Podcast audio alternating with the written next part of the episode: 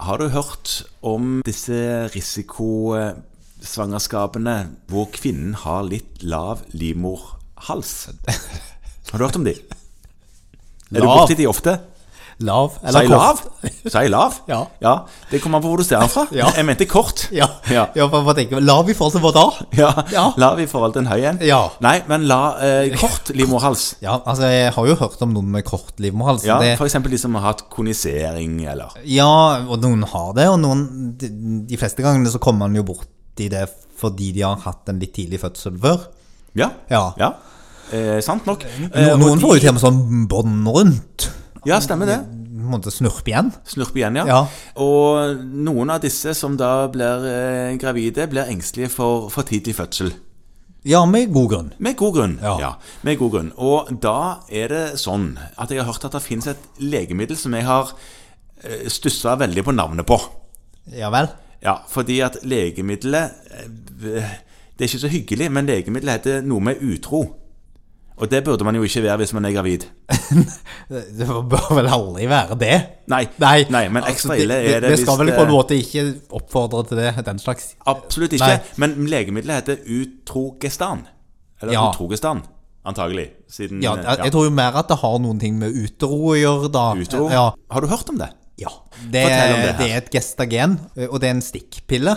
Så setter det opp i skjeden, og det er da sånn at det har vist seg å forebygge for tidlig fødsel, slash spontanabort. Ja. Eh, Hvis man tar det fra rundt midten av andre trimester, så Ja. pluss minus uke 20, Aha. det står uke 20 i felleskatalogen. Noen gynekologer velger å begynne med det før. Ok. Altså sånn rundt uke 15-16. Ja, det kan åpenbart brukes i svangerskapet, selvfølgelig. Det fremstår trygt i svangerskap, ja. Ja. Det, eh, det er faktisk inne på indikasjonsstillingen. eh, og så fram til uke 34.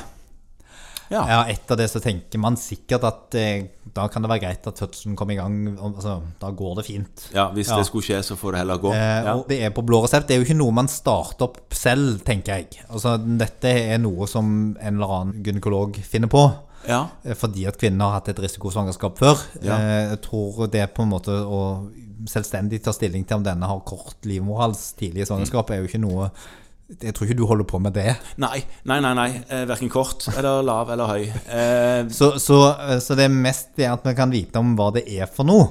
Den Eh. eneste gangen du kan ikke starte sjøl, er dersom forrige svangerskap hvor det ble gjort i forrige svangerskap, og så er kvinnen gravid igjen. Ja, Da men, kunne du vel kanskje gjort det. ja, men jeg tenker at de bør nok også, i hvert fall sånn som det er innen til en litt tidlig vurdering hos en gynekolog, i Enig i det. forhold til at, fordi dette er nesten uten unntak risikosvangerskap. Ja. Eh, Så det er fornuftig at de får en tidlig samtale med en eller annen eh, gynekolog.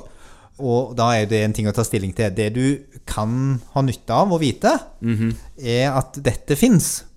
Ja. Ja, Ja. Sånn at du faktisk, hvis du har en svært bekymret kvinne som har vært gjennom et svangerskap med for tidlig fødsel, Ja.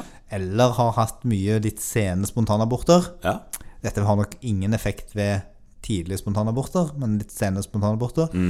Så går det an å si at du jeg vet det finnes noe.